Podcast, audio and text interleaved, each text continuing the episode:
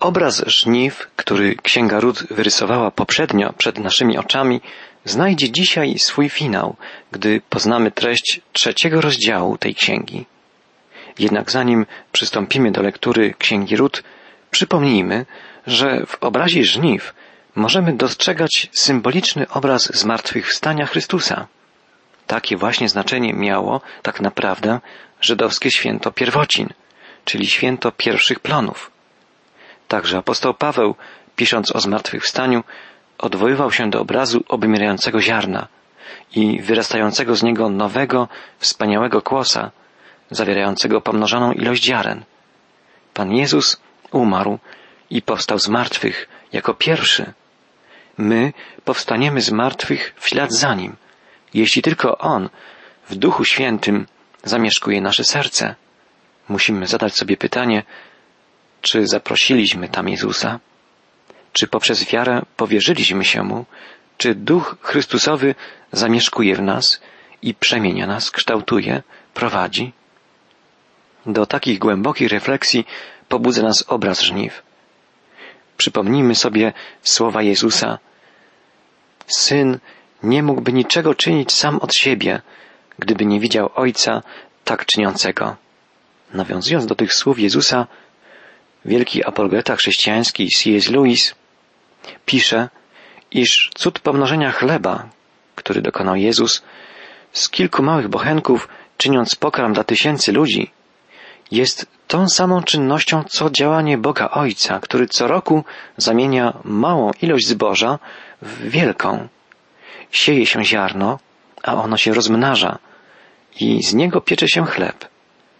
Nakarmienie pięciu tysięcy ludzi było więc skondensowaną, przetransponowaną formą tego normalnego procesu corocznego. Jest to jak gdyby przepisywanie drobnym pismem tej samej historii, która jest pisana w całym świecie literami zbyt dużymi, żeby niektórzy z nas mogli je zobaczyć. Cuda Jezusa, wcielonego Boga, który żył jako człowiek na ziemi, dokonują dokładnie tych samych rzeczy, co całościowa działalność Boga Ojca tyle że z inną szybkością i w jednym miejscu. Jednym z ich głównych celów jest to, żeby ludzie, zobaczywszy rzecz dokonaną przez Jezusa, a więc widzialną osobę w małej skali, mogli poznać, że rzeczy dziejące się w dużej skali, a więc na całym świecie, co roku, w czasie siania i żniw, że te procesy są powodowane nie przez jakąś bezosobową siłę, ale również przez potężną osobę. I że w rzeczywistości chodzi tu o tę samą osobę, która żyła między nami dwa tysiące lat temu. Tak, Jezus zamienił małą ilość chleba w dużą ilość chleba. Bóg Ojciec tego samego cudu dokonuje na wielką skalę co roku. Tak głębokie refleksje wywołał w nas dzisiaj obraz żniw. Widzimy, że oprócz dosłownej, literalnej warstwy opowieści o Noemi, Rut i Boazie możemy dostrzec w księdze Rut bardzo głęboką warstwę symboliczną. Będziemy ją odczytywać jeszcze dalej, w czasie tej i w czasie następnych naszych audycji. A teraz wróćmy do historii Rut i Boaza. Pamiętamy, że Rut w czasie żniw chodziła na pole Boaza, przynosząc coraz obfitsze ilości jęczmienia i pszenicy. Noemi zorientowała się, że Rut zyskała sobie przychylność Boaza, właściciela pola. Żniwa trwały kilka tygodni. Rut pracowała ofiarnie całymi dniami i cieszyła się, że może dotrzymać przyrzeczenia i troszczyć się o Noemi. Noemi z kolei, kochając swoją synową, troszczyła się o jej dobro, o jej przyszłość. Wiedziała też, że od losu Rut zależy i jej los. Czyżby Boaz, jako krewny łączący ją z przeszłością, miał stać się teraz pomostem prowadzącym w nową przyszłość? Noemi chce być pewna, czy to wszystko, co przytrafiło się Rut na polu Boaza, było Bożym zrządzeniem, czy też nie. W początkowych wierszach trzeciego rozdziału Księgi Rut czytamy o niezwykłym dla nas, ale zrozumiałym w kulturze żydowskiej pomyśle Noemi. Rzekła do niej Noemi, jej teściowa. Córko moja. Czy nie powinnabym poszukać dla ciebie ogniska domowego, przy którym dobrze byś się miała? Przecież Boaz, wśród którego służących byłaś, jest naszym krewnym. Oto dzisiejszej nocy będzie on przesiewał jęczmień na klepisku. Umyj się przeto i namaść, włóż na siebie strojne szaty i zejdź na to klepisko. Tylko nie daj się poznać temu mężowi, aż się naje i napije. A gdy się położy spać, odszukaj miejsce, gdzie się położy. Podejdź doń, odkryj jego nogi i połóż się.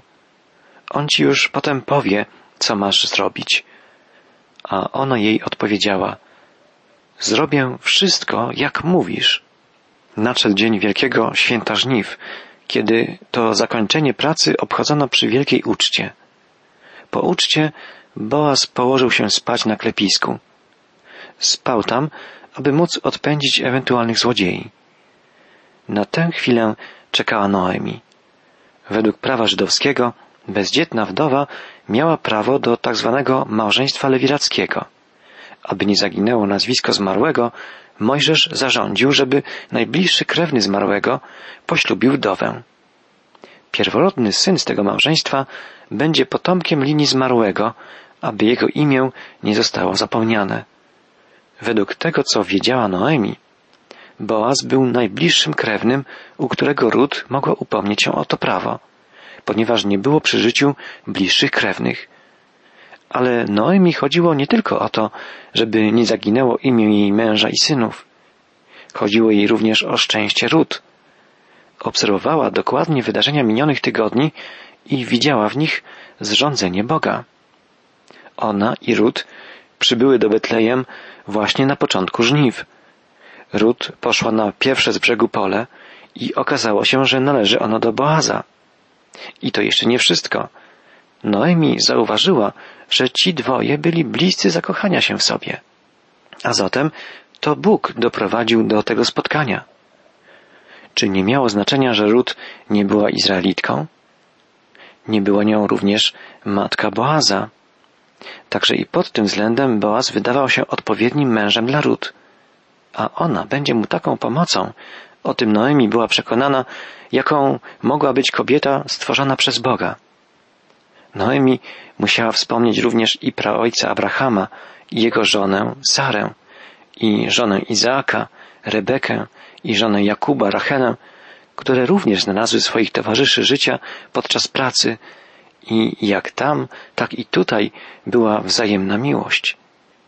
Noemi chciała być pewna, czy to jest zrządzenie Boga, czy też nie. Propozycja, jaką teraz Noemi przedłożyła Rut, miała trzy przyczyny. Chęć wypełnienia prawa Bożego, miłość do Rut i troskę o jej przyszłość oraz wrażliwość i otwartość na działanie Ducha Bożego. Noemi widziała w wydarzeniach, w których uczestniczyła Rut, Boże prowadzenie i wiedziała, że u Boga nie ma przypadków. Noemi powiedziała do Rut, umyj się, namaść, włóż na siebie strojne szaty i zejdź na klepisko. Tylko nie daj się poznać temu mężowi, aż się naje i napije. A gdy się położy spać, odszukaj miejsce, gdzie się położy, podejdź do niego, odkryj jego nogi i połóż się. On ci już potem powie, co masz robić. Te słowa Noemi mogą nas zdumiewać. Czyżby knuła ona jakieś dwuznaczne, nieszczere plany? Czy nie obawia się ryzyka, jakie wiąże się z tą propozycją? Czy nie naraża Rut na zniesławienie? Dla Moabitki Rut propozycja ta była zapewne tak samo dziwna, jak dziwna jest dzisiaj dla nas. Chciała dostosować się do zwyczajów i obrzędów izraelskich, ale czy w tym przypadku sprawa nie idzie zbyt daleko? Była przecież przyzwoitą kobietą. Jednak z drugiej strony miała duże zaufanie do Noemi. Noemi na pewno nie czyni nic, co by ją Rut miało unieszczęśliwić. Ona swoje decyzje podejmowała z Bogiem i nie było możliwe, żeby knuła jakieś dwuznaczne, nieszczere plany. Twój lud, mój lud, a Twój Bóg Mój Bóg, powiedziała do Noemi wtedy na drodze do Betlejem. Teraz trzeba było dotrzymać przyrzeczenia. Bóg, u którego szukała ucieczki, będzie przecież nad nią czuwał i nie opuści jej także i teraz. Jemu może ufać. Rut miała również wielki szacunek dla Boaza. Czy nie wziął jej pod opiekę całkiem dobrowolnie i spontanicznie? Czyż nie okazał jej dostatecznie, że ją rozumie? On był człowiekiem bogobojnym. Nie zrani jej więc, ani nie poniży. I tak Rut podjęła decyzję. Zrobię wszystko, jak mi mówisz, odpowiedziała Rut Noemi. I w nocy położyła się u stóp Boaza i czekała. Jego reakcja była wzruszająca. Działo się to o północy, kiedy się obudził, odkrył kobietę u swoich stóp i zażądał wyjaśnienia. Według prawa Bożego proszę Cię, byś mnie pojął za żonę. Jesteś bowiem najbliższym krewnym, który może to uczynić. Taki sens miały słowa Rut. Jak zareaguje Boaz? Czy nie rozgniewa się teraz? A może stanie się natarczywy? Czy może będzie wyliczał własne zalety? Nie. On chwali wierność i cnoty Rut. Tak, jest gotów ją poślubić, ale należy przedtem rozwiązać jeszcze jeden problem. Jest ktoś, kto był bliżej spokrewniony z Rut niż on. I jeśli tamten nie wypełni swego obowiązku, dopiero wtedy droga do Rut będzie wolna dla Boaza. Przez tę próbę Bóg pokaże, którego z tych dwóch mężczyzn wybrał na męża dla Rut. A oto jak całe to wydarzenie relacjonuje trzeci rozdział Księgi Rut. Czytamy od wiersza szóstego. Zeszła tedy Rut na klepisko i zrobiła wszystko, co jej kazała teściowa. A gdy Boaz najadł się i napił i był w dobrym nastroju, poszedł położyć się na skraju kupy zboża. Wówczas i ona przyszła niepostrzeżenie, odkryła jego nogi i położyła się. A o północy poderwał się ten mąż, obrócił się i spostrzegł kobietę u swoich nóg. Zapytał więc, kto ty jesteś? Ona zaś odpowiedziała, ja jestem Rut, służebnica twoja. Rozciągnij swój płaszcz na swoją służebnicę, boś ty wykupiciel. A on na to, błogosławionaś ty u Pana, córko moja. Ten drugi dowód twojej miłości lepszy jest niż pierwszy, gdyż nie uganiałaś się za młodzieńcami, ani biednymi, ani bogatymi. Nie kłopocz się teraz, córko moja, uczynię dla ciebie cokolwiek sobie życzysz. Wie bowiem całe miasto, żeś dzielna kobieta. Prawdą jest, że jestem Twoim wykupicielem, lecz jest jeden wykupiciel jeszcze bliższy ode mnie. Pozostań tu przez noc, a rano, jeżeli on zechce Cię wykupić, to dobrze, niech to uczyni. Lecz jeżeli nie zechce Cię wykupić, to ja Cię wykupię. Jak żyje Pan, śpi do rana. Pamiętajmy, że słowa, które wypowiedziała Rut do Boaza, rozciągnij swój płaszcz na swoją służebnicę, boś Ty wykupiciel, oznaczają prośbę według prawa Bożego pojmij mnie za żonę. Jesteś bowiem najbliższym krewnym, który może to uczynić. Boaz pragnie poślubić Rut, nie tylko dla wypełnienia prawa, ale także dlatego, że ją ceni, szanuje i podziwia, a także kocha. Przyjrzyjmy się teraz bliżej niektórym słowom wypowiedzianym przez Noemi, Rut i Boaza. Najpierw słowam Noemi. Mówi ona, córko moja, czy nie powinnam poszukać dla ciebie ogniska domowego, przy którym byś się dobrze miała? Przypomnijmy sobie, co Noemi powiedziała jeszcze w ziemi moabskiej, gdy zwróciła się do swoich synowych, Rut i Orpy, zaraz po śmierci synów swoich, a ich mężów.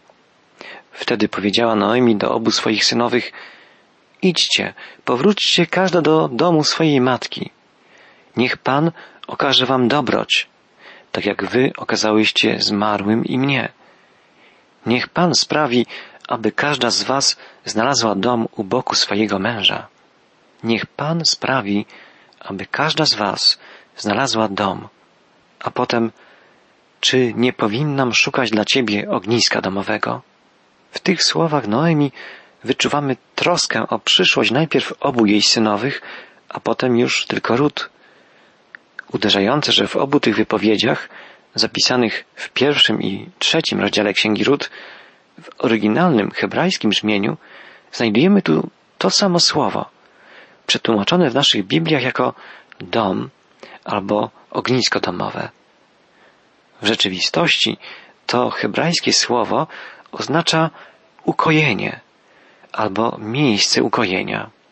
Tak, Noemi pragnie, aby Ród znalazła ukojenie i wie, że prawdziwe ukojenie może jej dać jedynie Pan, Bóg Izraela. Oczywiście Ród, poślubiając Boaza, odnajdzie swój dom, założy rodzinę i będzie szczęśliwą żoną i matką.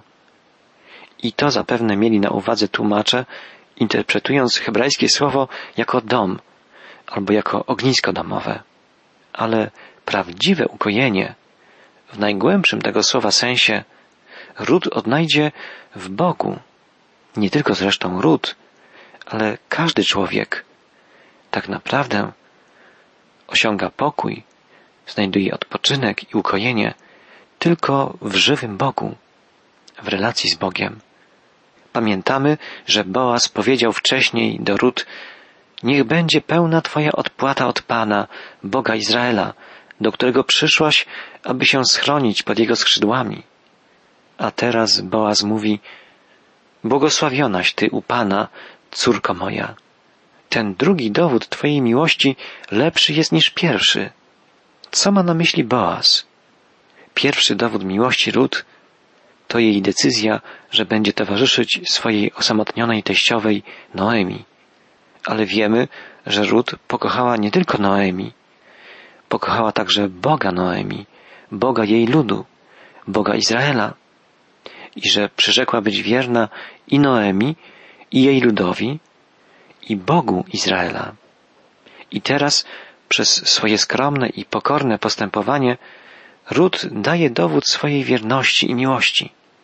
Miłości do Noemi i do Boaza, przedstawiciela ludu izraelskiego. Daje też dowód miłości do samego Boga Izraela, jedynego żywego, prawdziwego Boga. Rut pokochała Boga, a On obdarzył ją swoją łaską. Jej syn, Obed, zostanie potem jednym z praojców Jezusa. Tym samym udziałem Rut, cudzoziemki z Moabu, stał się najwyższy przywilej, jaki kiedykolwiek mogła sobie wymarzyć kobieta izraelska. Została matką w linii, której potomkiem będzie Mesjasz, Zbawiciel. Gdy pamiętamy o tym, że postać Boaza, wykupiciela, to zapowiedź osoby Mesjasza, Zbawiciela, Jezusa Chrystusa, lepiej i głębiej zrozumiemy słowa Rut wypowiedziane do Boaza na klepisku. Rozciągnij swój płaszcz na swoją służebnicę, boś Ty wykupiciel. Prorok Izajasz wołał, Będę cieszyć się wciąż Panem mym. Radością mą zawsze będzie Bóg. Przyodział mnie Pan, okrywając swym zbawieniem. Płaszcz sprawiedliwości sam nałożył mi. Jaki to piękny obraz. Ród, symbolizująca Kościół, zwraca się do Boaza, zapowiadającego postać Chrystusa, rozciągnij swój płaszcz na swoją służebnicę. Wykup mnie. Okryj mnie swoją sprawiedliwością. A prorok Izajasz wołał, przyodział mnie Pan, okrywając swym zbawieniem. Płaszcz sprawiedliwości sam nałożył mi. Oblubienica i oblubieniec. Mąż i żona. Widzimy, że ten obraz wyrysowany jest odnośnie relacji Boga i Jego ludu, Chrystusa i Kościoła, nie tylko w Nowym Testamencie, w pismach apostołów, ale także tutaj, na kartach Starego Testamentu. I chyba obok pieśni nad pieśniami, Księga Ród jest jednym z najpiękniejszych w Starym Testamencie obrazów przypominających nam, jak bardzo nasz Pan i Zbawiciel kocha nas i troszczy się o nas.